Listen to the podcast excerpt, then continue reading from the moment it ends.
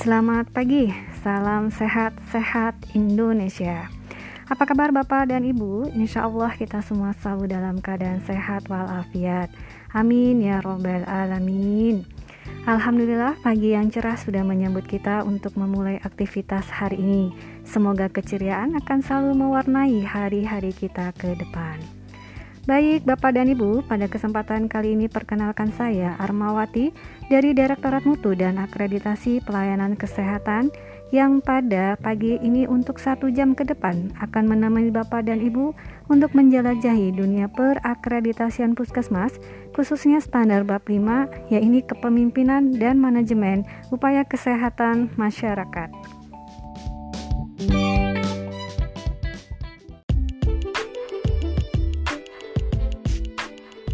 Bapak dan Ibu, kalau dibaca dari judul bab 5 yaitu kepemimpinan dan manajemen UKM menggambarkan pada implementasi manajemen puskesmas. Secara umum, isi dari standar bab 5 terbagi atas dua bagian besar, yaitu yang pertama bagaimana tanggung jawab dalam pengelolaan UKM dan yang kedua bagaimana pengelolaan tiap-tiap UKM, mulai dari perencanaan program, pengorganisasian, komunikasi dan koordinasi, akuntabilitas pengelolaan UKM, serta bagaimana hak dan kewajiban sasaran. Sebelum saya lanjut, saya mengingatkan kembali kepada Bapak dan Ibu untuk tidak salah dalam membaca standar akreditasi. Ingat, harus dimulai dari bab, kemudian standar, lanjut ke kriteria, kemudian pokok pikiran, dan terakhir pada elemen penilaian. Kesalahan sering terjadi karena banyak yang langsung ke elemen penilaian dan menjadi bingung dalam menyediakan dokumen atau persyaratan yang diminta karena tidak membaca standar secara sistematis. Dan pada kesimpulannya mengatakan, kok susah ya? Nah, semoga dengan ini Bapak dan Ibu tidak lagi kesulitan dalam memenuhi standar yang telah ditetapkan.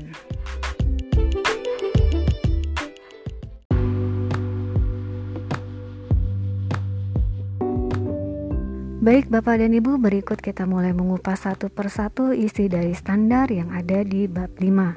Seperti pepatah mengatakan, tak kenal maka tak sayang, maka terlebih dahulu kita berkenalan dengan standar-standar yang ada di bab 5. Ada tujuh standar, kita mulai dari standar yang pertama, yaitu standar 5.1 terkait dengan tanggung jawab pengelolaan UKM Puskesmas dengan 6 kriteria, Selanjutnya adalah standar 5.2 tentang perencanaan kegiatan UKM Puskesmas, ada tiga kriteria. Kemudian standar 5.3 tentang pengorganisasian UKM Puskesmas, di sini juga ada tiga kriteria. Lanjut pada standar 5.4 tentang komunikasi dan koordinasi, terdapat dua kriteria. Berikutnya adalah standar 5.5 yaitu kebijakan dan prosedur pengelolaan UKM ada tiga kriteria. Kemudian ada standar 5.6 tentang akuntabilitas pengelolaan dan pelaksanaan UKM ada tiga kriteria. Terakhir adalah standar 5.7 terkait dengan hak dan kewajiban sasaran dengan dua kriteria.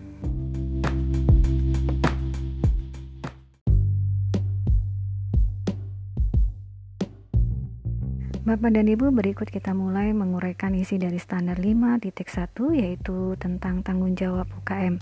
Apa saja yang harus dipenuhi agar pengelolaan UKM berjalan dengan baik? Ini diuraikan ke dalam 6 kriteria di dalam standar 5.1. Kita mulai dari kriteria yang pertama, yaitu kriteria 5.1.1 terkait persyaratan kompetensi dan upaya peningkatannya. Nah, Bapak dan Ibu, dalam standar ini, Kepala Puskesmas dan PJUKM menetapkan dan melakukan analisis gap kompetensi sebagai dasar dalam penetapan penanggung jawab program. Dalam hal ini, Puskesmas menetapkan kompetensi dari setiap penanggung jawab. Bisa dilihat dari latar belakang pendidikan, pelatihan, masa kerja, dan persyaratan lainnya. Silakan Bapak dan Ibu yang menetapkan. Sebagai contoh, misal untuk PJUKM, kita tetapkan persyaratan apa saja sih yang harus dipenuhi sehingga seseorang layak dikatakan untuk menjadi penanggung jawab UKM. Nah, setelah ditetapkan persyaratannya, berikut lakukan analisis antara syarat kompetensi dan pemenuhannya. untuk mengetahui seberapa besar petugas yang ditunjuk memenuhi persyaratan kompetensi tersebut. Apabila dari persyaratan telah ditetapkan terjadi gap, seperti dari sisi pelatihan, maka petugas tersebut akan direkomendasikan untuk mengikuti pelatihan sesuai dengan hasil gap kompetensi. Tentunya, rekomendasi ini dibuat dalam skala prioritas sesuai dengan kondisi puskesmas.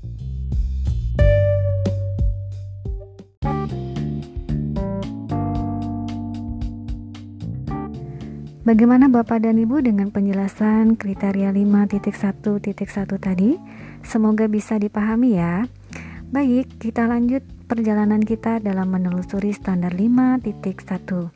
Kriteria berikutnya adalah kriteria 5.1.2 yaitu orientasi bagi petugas baru.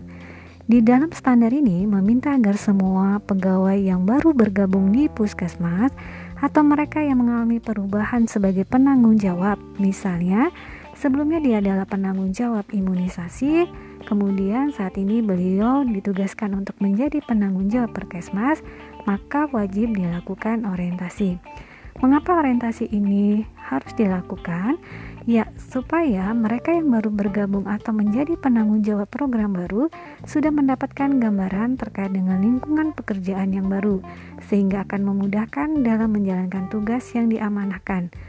Jangan lupa Bapak dan Ibu untuk membuat kerangka acuan kegiatan, instrumen terkait dengan pelaksanaan orientasi ini.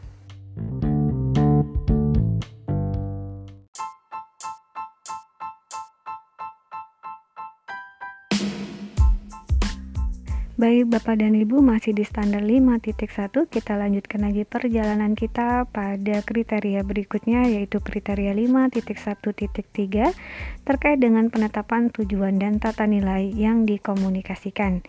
Dalam standar ini meminta kepada PJ UKM, PJ program serta para pelaksananya untuk menetapkan tujuan dari setiap kegiatan yang dilakukan dan menetapkan tata nilai yang menjadi komitmen para pelaksana UKM dalam menjalankan tugas-tugasnya. Silakan ditetapkan, kemudian jangan lupa setiap kegiatan UKM itu ada yang namanya dikomunikasikan baik kepada lintas program, kemudian sasaran dan masyarakat serta lintas sektor. Pertanyaannya adalah, apakah tata nilai ini bisa sama dengan teman-teman yang ada di pojok admin? Jawabannya sangat bisa, asalkan tata nilai tersebut juga menggambarkan budaya kerja yang ada di UKM.